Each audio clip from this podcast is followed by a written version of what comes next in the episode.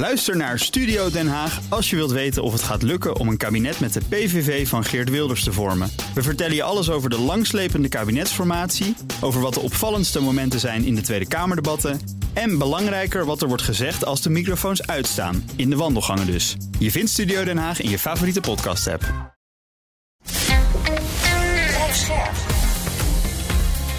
BNR Nieuwsradio. Boekenstein en de Wijk.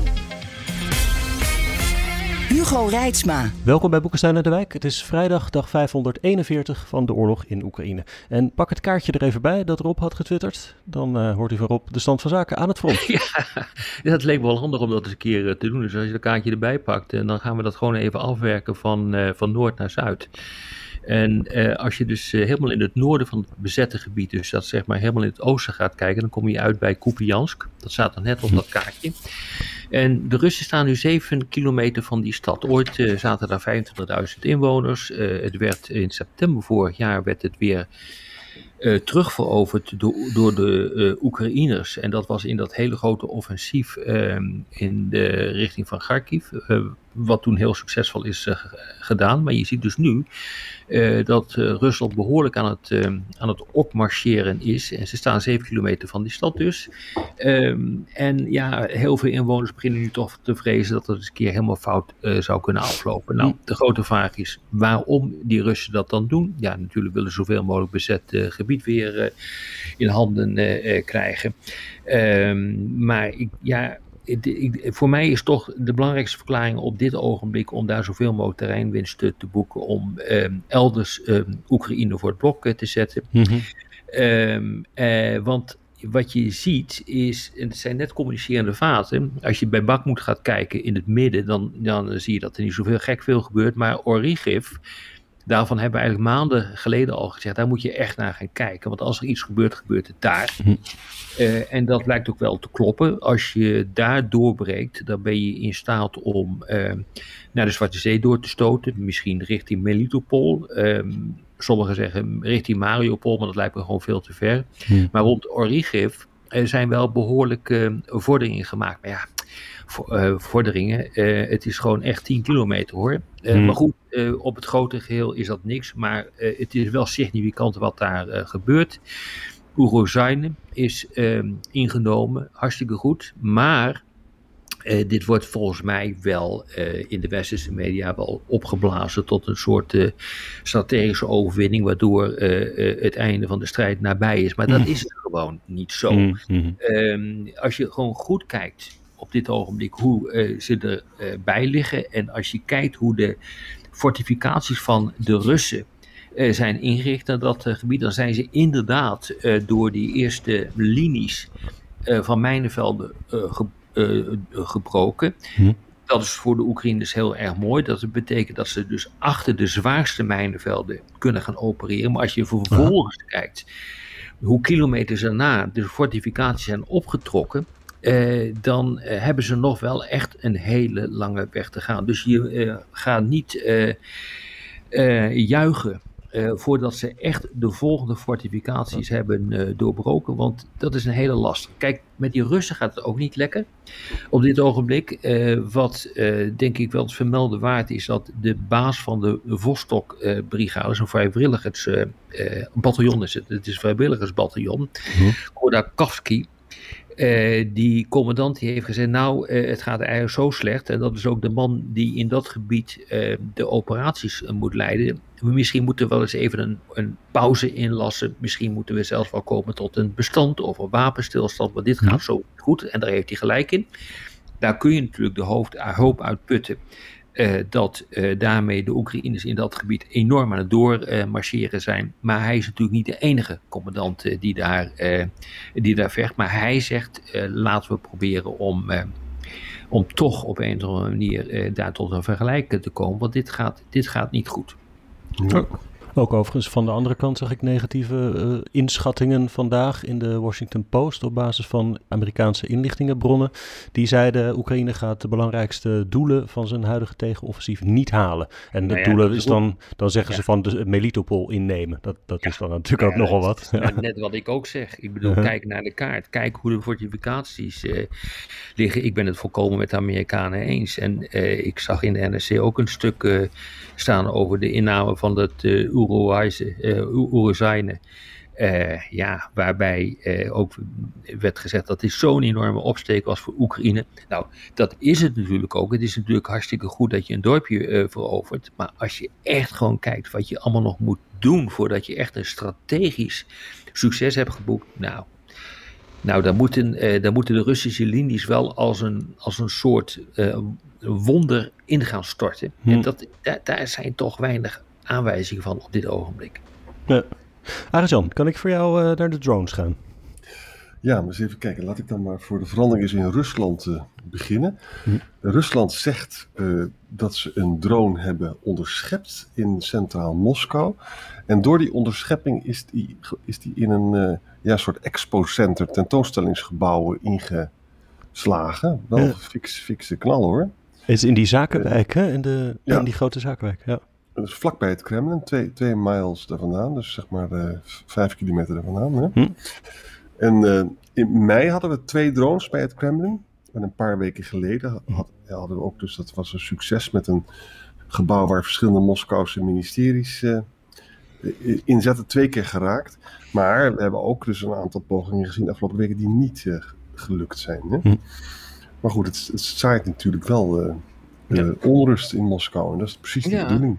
Dat is ook precies de bedoeling. En je ziet dus ook dat, uh, dat, uh, dat Oekraïne dat, uh, dat doet en daar ook redelijk succesvol in is. Zij zijn ook succesvol, blijkt nu toch op een aantal punten dan gedacht werd, ehm, met hun aanvallen in de diepte. Bijvoorbeeld op die ehm, die de Krim met de Gerson-oblast ver verbindt. Dat is een belangrijke um, ader en, voor de voor de Russen om ervoor te zorgen dat een versterking in die richting van die Gerson-oblast worden gedirigeerd. En die, door, door het beschieten van die brug zijn toch, eh, dat is op 6 augustus volgens mij gebeurd, zijn, is toch ehm, eh, de hele route geblokkeerd voor een dag of elf.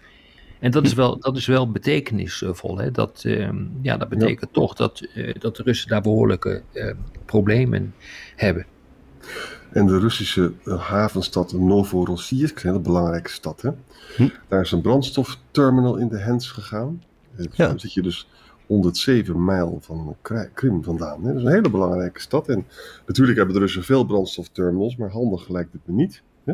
Ja, de oorzaak was hier onbekend volgens mij. Hè? Ja, het is niet ja, maar, duidelijk maar, of dat een droneaanval was. Ja, maar ik denk toch dat dat niet allemaal zo spontaan in de hens gaat. Hè?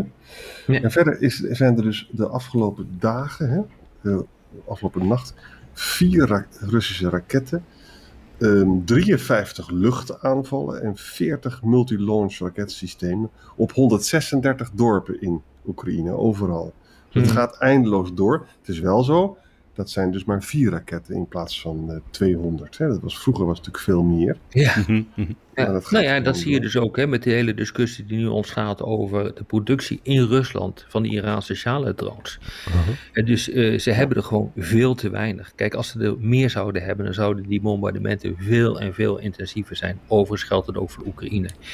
Maar uh, de productie van die Iraanse drones, die dus kennelijk onder licentie worden gemaakt in, uh, in Rusland, die moet worden opgekikt tot 6000, maar dat gebeurt pas in 2025, hè, dus over een paar jaar. Hm. Er wordt dan ook gewerkt aan een veel zwaardere uh, variant die tien keer zoveel ehm, explosieve lading mee kan, kan nemen. Hm. maar ook, ja, die is op dit ogenblik ook nog niet, ehm, nog niet beschikbaar. Wat ik ook wel vrij, een vrij opmerkelijk nieuwtje vond, is dat 25% van die drones die uit Iran worden geïmporteerd, die doen het eigenlijk gewoon niet. dat, is, dat vind ik wel opmerkelijk, ja. Ja, ja. ja. Die, die Shahed-drones die kunnen dus 1600 kilometer vliegen. Hè? Je moet er niet aan denken als ze die uh, allemaal in gaan zetten. Het is gewoon dus een race om de tijd eigenlijk. Hè? Ja. Aan beide kanten. Ja. Nou, nog een heel grappig nieuwsje. Je hebt dus een VSB, dus dat is het inlichtingendienstgebouw. Uh, En uh, daar heeft iemand de Oekraïnse vlag eventjes gehezen. Oh. maar dat direct weer naar beneden gehaald. Hè, in, in uh, Nizhny Novgorod. En uh, ja, je, je, vraagt je af wie, wie dat dan gedaan heeft. Hè? Dat, ja. is wel heel... dat is wel stoer, ja. Ja, dat is wel stoer. ja misschien toch nog even één puntje hoor. Wat, wat denk ik toch nog wel het vermelden waard is. Ik heb net even die commandant van dat Vostok van die Vostok-eenheid, die, dat bataljon heb ik uh, genoemd, die zegt van nou misschien moeten we maar eens komen tot een bestand van wapenstilstand. Uh, realiseer je dat er uh, een discussie is geweest, die hebben wij zelf ook gevoerd, door meneer Jensen, de chefstaf van ehm, Stoltenberg, de, de NAVO-secretaris-generaal, die heeft gezegd van nou ja, misschien moet er maar een oplossing komen waarbij Oekraïne toch gebied opgeeft. dat is natuurlijk onmiddellijk is dat is dat uh, weerlegd. En uh, er werd gezegd van dat is geen officieel NAVO-beleid. Uh, de, degene die de discussie leidt, dat is een, die, die ken ik goed, Kate Hansen Broent. die zei van ja, het is allemaal zo niet gezegd. zoals het in, de media is gekomen. Er werd een hele serie aan scenario's werd genoemd. Maar goed, vervolgens ontspons er een aardige discussie op het forum waar ik zit. Waarbij sommigen zeiden van ja, maar een NAVO-functionaris moet zich daar helemaal niet over uitlaten. Maar wat dus wel duidelijk is, en dat zien we dus nu ook eh, met betrekking tot I Igor Gerkin, die zit inmiddels in de bak, dat is zo'n eh, nationalist waar we het ook vaak over hebben gehad, die heeft mhm. gezegd van nou, ja, eh, kijk, ehm, je moet die facties binnen het Kremlin, die pleiten voor een wapenstilstand, die moet je onder controle houden, maar dat moeten we niet doen, we moeten juist doorvechten. Dus achter de schermen zie je mhm. dus wel, zowel in de Verenigde Staten, maar kennelijk ook binnen de NAVO, maar ook in Oekraïne uh, zelf. Uh, althans in het bezette deel van Oekraïne, dus bij de Russen, uh, wordt er dus wel kennelijk achter de schermen heel voorzichtig hierover gefilosofeerd. Van hoe ja, komen we hieruit? Ja, En dat, dat is wel conform met wat jij net zei, Hugo, over wat er kennelijk, je noemde de Washington Post, hè, waar je het dan in had gelezen. Ja. Ja, over eh, dat ze hun doelen, de Oekraïners, niet kunnen bereiken volgens de Amerikanen. Ja, dan moet je automatisch gaan nadenken over een ander soort oplossing. Ja. En Oekraïne heeft nu zelf ook uh, gezegd van ja, luister, we krijgen die F-16's gewoon niet dit jaar. Hè? Ja. Uh, en dat betekent dat het allemaal veel moeilijker gaat worden. Amerika heeft dus wel, althans Amerikaanse ambtenaren vandaag gezegd van nou, als die piloten getraind zijn, en dat duurt dus nog heel lang, hè, dan uh, mogen die, die, bondgenoten die F-16 sturen met die Nederlands-Deense coalitie. Ja. Maar ja, je kent de getallen. Hè? Slechts acht Oekraïnse piloten spreken Engels. En twintig worden nu naar Engeland gestuurd om de Engelse taal te, te, op te doen. Mm -hmm. En uh, ze hebben dus nog niet eens een squadron. Hè? Dat, is, nee, dat gaat dus ook geen gamechanger worden. Hè? Maar ja, dat hebben we de vorige keer ook al gezegd. Tot nu toe is geen enkel wapensysteem een echte gamechanger geworden. Al die wapensystemen systemen hebben ervoor gezorgd dat Oekraïne niet verliest. En dat is op zich tegen zo'n tegenstander natuurlijk al een formidabele prestatie. Hm. Ja. Ja. Ze hebben overigens ook, zag ik, uh, twee nieuwe Iris-T luchtverdedigingssystemen gekregen uit Duitsland. Dat is natuurlijk ook belangrijk voor... die eh, zijn heel goed. Die zijn heel goed. Dat schijnt. Uh, hadden we nog andere dingen? Ik niet. ik geloof dat ja, kleine dingetjes hè, van uh, Erdogan heeft via X, dus heeft, Twitter heet tegenwoordig X. Uh, ja, ik houd gewoon op Twitter. Dat hij zomaar containers, boten kan aanhouden, maar heeft hij ja, ja. mild gedaan. Want hm. Turkije wil natuurlijk een grote deal natuurlijk weer smeden. Hè? Dus daar gaan we nogal meer over worden. Nou, verder allemaal onbelangrijke dingen hoor. Geloof ik. Ja. Ik vond het wel aardig, uh, maar ook omdat ik zat te kijken naar die, die BRICS-top volgende week in Zuid-Afrika. Uh, Xi Jinping heeft, heeft laten weten daarbij aanwezig te zijn. Uh, Poetin die, die kan dus niet, weten we al, vanwege dat internationaal arrestatiebevel. En die komt met een videobelletje. En uh, Poetin heeft wel gisteren gebeld met uh, zijn uh, vrienden in Iran over Iraanse lidmaatschap van de BRICS. En dat is, die zijn aan het kijken naar grote uitbreiding. Er zouden echt misschien wel tientallen landen bij willen komen. Mm -hmm. Dat is toch wel interessant wat, ja, wat met dat moeten we echt heel goed in de gaten houden wat daar gaat gebeuren. Maar je moet je ook realiseren, er zitten ook landen in als, als India. Hè? BRICS is inclusief India. Ja.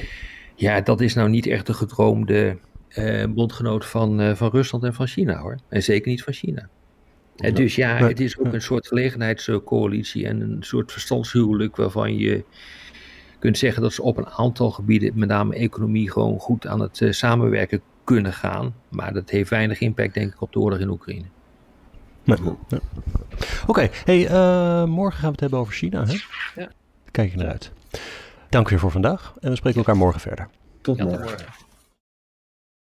Ook Hugo Reitsma vind je in de BNR-app. Superhandig die BNR-app. Je kunt alle programma's live luisteren, breaking nieuwsmeldingen. Je blijft op de hoogte van het laatste zakelijke nieuws. En je vindt er alle BNR-podcasts, waaronder natuurlijk de belangrijkste, Boekenstein en de Wijk. Download nu de gratis BNR-app en blijf scherp.